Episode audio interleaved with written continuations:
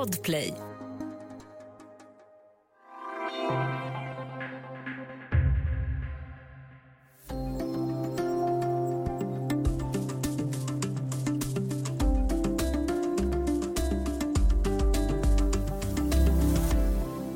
Flera tusen migranter försöker ta sig in i EU genom att ta sig över gränsen från Belarus till Polen. Det som sker i det här området anses vara president Alexander Lukasjenkos sätt att ge igen för de sanktioner som EU riktar mot Belarus. Spänningen längs gränsen har stigit och det är ett storpolitiskt spel med Ryssland i kulisserna. Välkommen till Studio DN. Jag heter Sanna Thorén Björling.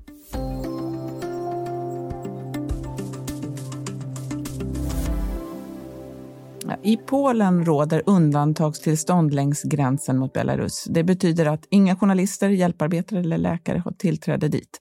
Idag har vi med oss DNs utrikeskommentator Mikael Winiarski som befinner sig i Polen i närheten här. Välkommen! Tack! Hur långt från gränsen ungefär befinner du dig? Just, just för ögonblicket är jag i en ganska stor stad som heter Bialystok som är någon slags eh, länshuvudstad i det här området som gränsar mot Belarus.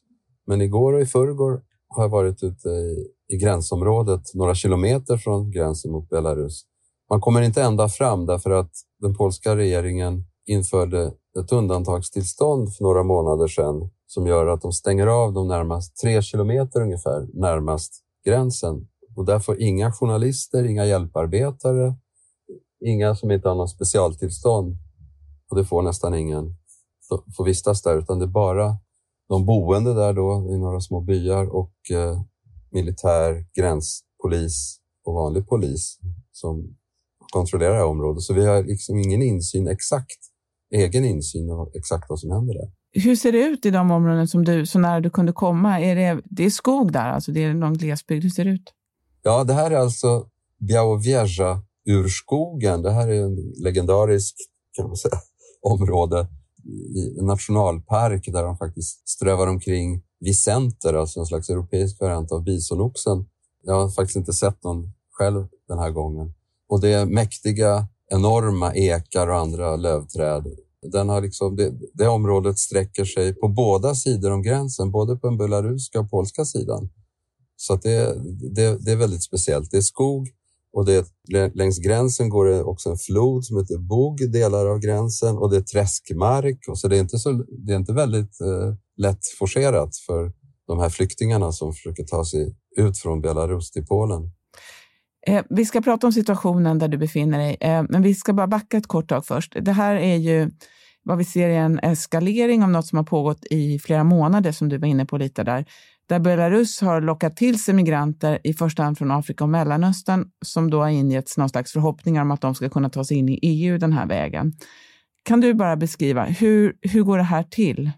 Alltså, jag var ju för någon månad sedan, eller det kanske var i slutet på september, så var jag faktiskt inne i Belarus, i Minsk, och träffade där kurder från norra Irak, alltså Kurdistan. Och eh, de, de berättade hur det hade gått till. De hade köpt visum och flygbiljett på belarusiska konsulatet eller några resebyråer som är kopplade till belarusiska regeringen och där för väldigt dyra pengar, 3, 4, 5 tusen dollar per person kostade och då för det fick de flygbiljett och så fick de turistvisum till Minsk och löfte om att där skulle det ordna sig med transporter och, eh, och så enkel, enkel biljett, en, en enkel enkelbiljett till EU och de flesta ville till, tysk, till länder som Tyskland, Frankrike och Sverige faktiskt en hel del. För det finns många, som vi vet, många kurder i Sverige och så många har sina vänner och släktingar i Sverige. Men eh, så blev det ju inte riktigt. De, fastnade, de hade fastnat i Minsk, de hade själva åkt taxi till polska gränsen, försökt ta sig igenom, men blivit stoppade och återvänt till Minsk och gjort några försök fram och tillbaka. Så då såg jag det hela från det hållet. Från vilka länder kommer de? Du sa där, du nämnde Irak. Vad är det mer för länder? Det är Irak framför allt eh, hittills. Eh, vad som är känt i Syrien är ett stort land på senaste tiden. Det går direktflighter från Damaskus till Minsk och, det, och där är ju Ryssland den kontrollerande eh, stormakten. Så det, man anser väl att det är någon slags samspel där mellan Lukasjenko, Rysslands ledare Putin och diktatorn i Syrien, nämligen eh, Bashar Assad. Och eh, och då, ja, de har gemensamma intressen av att försvaga EU eller att sätta press på EU. Att EU ska ge efter. Jag menar, både Syrien, Ryssland och inte minst Belarus är utsatta för väldigt hårda sanktioner från EU. Så att det, det vill de ju gärna slippa. Nu då när du befinner dig på den polska sidan eh, och du kommer inte alldeles nära gränsen men ändå i gränstrakterna. Vad har du träffat för personer den här gången?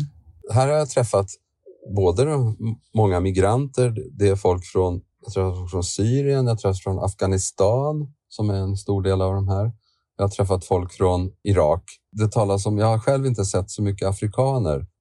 Det talas om att det kommer folk ända från Kongo och jag har inte lyckats, lyckats utröna vilken väg de kommer, men det är inte omöjligt att de också kommer via Damaskus och säkert Istanbul också. De har alltså, det sägs att det finns ungefär 50 dagliga flighter från in i Minsk som kommer från Damaskus, Istanbul, Dubai, en stor sån här transferställe och Beirut också. Så att, eh, och nu vill ju EU att man ska försöka få Belarus att stoppa de här, eller att få de här länderna att stoppa flygen till Belarus därför att det är så uppenbart att det är, att det är en väg för flyktingar som EU inte vill veta av.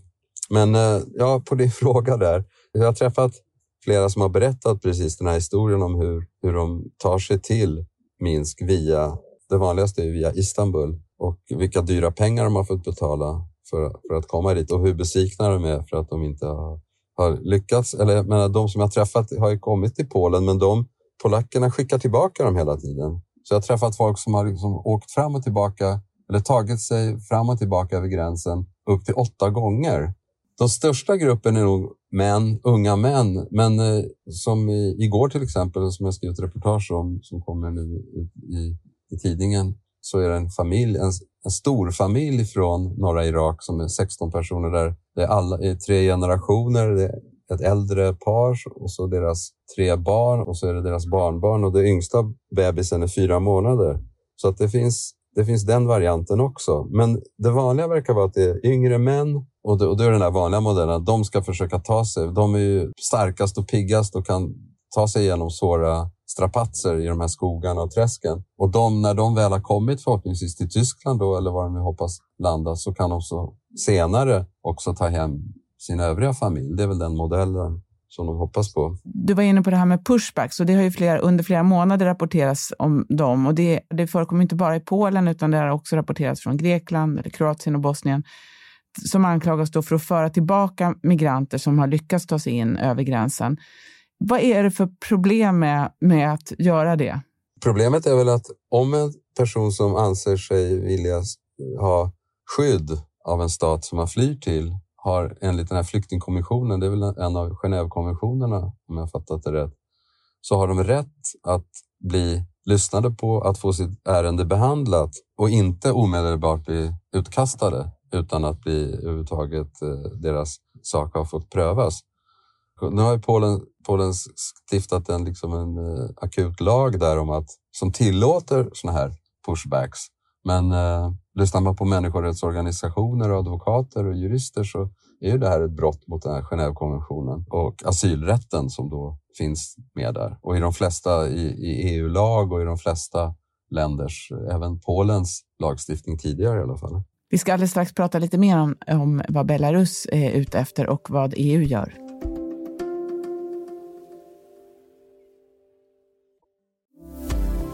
Вы ввели против меня санкции, против белорусов. Вы пошли на гибридную войну против Беларуси. Возьмите СМИ, ekonomika, politika, уже довоенного... Ja, det där var Belarus president Alexander Lukasjenko som anklagar EU för att ha bedriva någon slags hybridkrig mot dem med sanktioner. Vi pratar idag med Mikael Winiarski, DNs utrikeskommentator, om situationen längs gränsen mellan Belarus och Polen. Ja, Lukasjenko han är ju rasande på EU och det som nu sker där då beskrivs som en slags hämnd från hans sida. Hur effektiv är den där metoden skulle du säga? Är han nöjd tror du så här långt? Jag tror inte det riktigt. Jag tror att det är någon sam... Det är väl något kuckelimuck här mellan Putin och honom för att sätta press på väst. Det intressanta var att den ryska utrikesministern Sergej Lavrov idag, igår sa att Ja, det här, ska ju, det här har ju liksom väst, eh, den här konflikten, det här problemet har ju väst skapat själva genom alla krigen i Mellanöstern och sådär. Och att, vore det inte bra att göra som man gjorde med Turkiet, att betala dem en klumpsumma pengar för att bli av med problemet, att ta hand om de här migranterna då. Skillnaden är ju att då den syriska flyktingströmmarna där Turkiet fick ta emot Eh, det, jag vet inte hur många som passerade Turkiet totalt sett till Europa, men de har ju fortfarande tre miljoner syrier på flykt i, i Turkiet.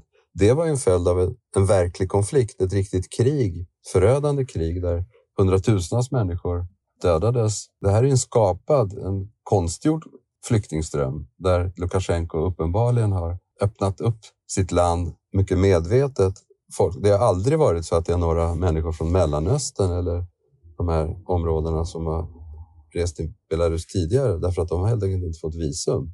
På vilket sätt är Ryssland inblandat här? Alltså, efter det här fuskvalet som var sommaren 2020 i, i Belarus, då blev ju Lukasjenko väldigt ensam. Han var ju tvungen då att ty sig ännu mer till Putin och Ryssland. Och den här gamla unionsstaten som mellan Belarus och Ryssland som de egentligen på pappret skapade för, redan på 90-talet någon gång, den har nu fyllts med mer innehåll. Det är mer samordning av både militär, ekonomi, skatter och tull och sådana saker. Så att mer och mer börjar Belarus bli som en underavdelning till Ryssland, även om det formellt fortfarande är en självständig stat eller eh, en separat stat ska jag snarare säga. Eh, och därför, ingen, en sån här gigantisk operation, destabiliseringsoperation, skulle aldrig Lukasjenko göra utan, att ha, utan samarbete eller klartecken åtminstone från, från Ryssland. Mm. Så vad vinner Ryssland på att destabilisera EU? Ja, det, det, är den där övergripande frågan. Det har de ju ägnat sig åt väldigt länge. Alltså, de är ju rädda för att den här gamla buffertzonen som det forna Östeuropa utgjorde, alltså de satellitstaterna, både i Balkan och, och Polen, Ungern, Tjeckien och, och så vidare, att de kommer att bli ännu mer liksom avlägsna sig från den ryska intressesfären. Det är därför de samarbetar med olika högernationalistiska politiker, i, inte minst i Ungern, Tjeckien och Frankrike och sådär. Därför att de, de vet att ett enat EU är mycket svår, en mycket svårare nöt att knäcka för dem än, än om de har att göra med enskilda länder där vissa är, tycker att eh, Ryssland är någonting som man ska vara väldigt snäll mot. Men EU här i det här läget har ju svarat med att försöka utöka sanktionerna och inte, naturligtvis inte diskuterat att skicka över pengar till Belarus för att ta hand om migranterna. Men tror du att utökade sanktioner biter det? Det är svårt att säga. Jag menar, det finns ju, man måste ju balansera det där mot att, och det är väl det EU också grubblar på nu, att en väldigt stor del av handelsströmmarna och transporterna, energitransporter och allt möjligt annat mellan Ryssland och Europa går just via Belarus. Och det kan till och med, det läste jag någonstans, att till och med 10 procent av Kinas hela handel med Europa går via Belarus. Alltså det är väl järnväg och sånt. Om de, som Polen nu diskuterar, att de ska stänga hela gränsen mot Belarus, då får det väldiga ekonomiska konsekvenser för alla möjliga länder i, i Europa, inte bara för Ryssland och Belarus. Och då vet jag inte om, de, om de, Polen skulle få klartecken för det från EU. Det är intressant att den här gränsen då är så pass stängd, för det gör ju också att insynen eh, kring vad som händer där eh, blir väldigt dålig. Eh, och Polen har väl också, så vitt jag förstår, sagt nej till hjälp av EUs egen gräns, gränsstyrka Frontex, där, gränsmyndigheten. Men hur svarar Polen på Belarus agerande? Konkret har inte Polen vidtagit några direkta åtgärder mer än att man förstärker. Nu har man 15 000 soldater längs gränsen har man placerat och plus 4 000 gränsvakter och, och vanlig polis. Och så bygger man en, har, har man fattat beslut om att bygga en riktigt staket som är, jag vet inte om det är fem och en halv meter högt eller någonting, riktigt stålstaket längs de här nästan 400 kilometerna som är Polens gräns mot Belarus. Så att det, det är de konkreta grejerna. De kan inte göra så mycket annat. Och plus, plus naturligtvis att de verbalt bedriver en hård kritik mot, mot Lukasjenko. Däremot så, det som förvånar många det är att Polen inte, just som du säger, inte tar hjälp egentligen av, av EU eller Nato till exempel, som de mycket väl skulle kunna göra. Därför att det är, ett, det är faktiskt ett säkerhetshot mot NATO-medlemmen Polen som Lukasjenko håller på med. Vad vet vi då om vad som händer med de här migranterna? Både de som tar sig över och de som inte gör det? En, en siffra, den officiella siffran som den polska gränsbevakningen har angett är att de har gripit sen, under det här året och sen det började i somras då det här, 30 000 personer. Och de flesta, en stor del av dem, oklart hur många, har ju skickats tillbaka och en annan stor del har inte gripits alls utan har smugglats vidare till Tyskland eller Frankrike. I Sverige har jag inte hört något speciellt om att det skulle ha kommit några på senare tid, men för Sverige är väldigt stängt. Men det har ju gått så långt som att Tyskland nu har bestämt att skicka tillbaka folk direkt då till framförallt Irak är det väl som det aktuella fallet nu, därför att det, det anses vara ett land man kan skicka folk till av säkerhetsskäl så att säga. I Polen har man inte den politiken. Då skjutsar man tillbaka dem genom skogen istället. Det finns ju en del i Polen som anser att man skulle följa Tysklands linje då, att, att man ska ta in dem och sen göra en airlift till, till Irak från, från Warszawa istället. För Polen är ju det här också dubbelt för att man har ju en kris vid gränsen men man slipper ju också den här, hantera just nu i alla fall den här kritiken som EU riktar stark, eh, starkt riktat mot Polen och eh, på hur Polens rättsstat fungerar. Vad tror du om man tittar framåt här? Vad, kommer att, vad tror du är, är troligt här vad som kommer att hända längs gränsen? Det finns ju uppgifter om skottlossning, i alla fall med lösa skott och så. Vad, vad tror man kommer att hända?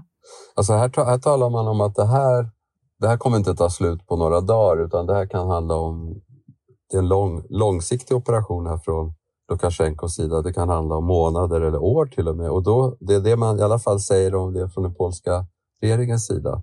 Och det kanske inte, jag vet inte om det är sant eller inte, men det, det kan ju betyda att, eh, som en del tror, faktiskt var en fördel också för rent politiskt sett för den polska regeringen att hålla, upprätthålla den här spänningen och känna att EU och omvärlden, det, kritiken mot vad den odemokratiska utvecklingen som regeringen ägnar sig åt, den kommer helt i bakgrunden och att Polens utsatta läge för österifrån istället blir den stora frågan lång tid framöver. Sen är frågan om, om regeringen då, den högernationalistiska regeringen i, så att säga, i skydd av detta kommer accelerera de här grejerna med att ta över domstol, politisera domstolarna, eh, strypa olika fria massmedier och så vidare. Det, det, det återstår att se. Vi ska avrunda där. Stort tack för att du var med idag, Mikael Winjarski, DNs utrikeskommentator. Tack, tack. Om du vill kontakta oss så går det bra att mejla till studiodn Kom också ihåg att prenumerera på Studio DN när du lyssnar på poddar så missar du inga avsnitt. Studio DN görs för Podplay av producent Sabina Marmelaka, ljudtekniker Patrik Miesenberger och teknik Jonas Lindskov, Bauer Media. Jag heter Sanna Thorén Björling.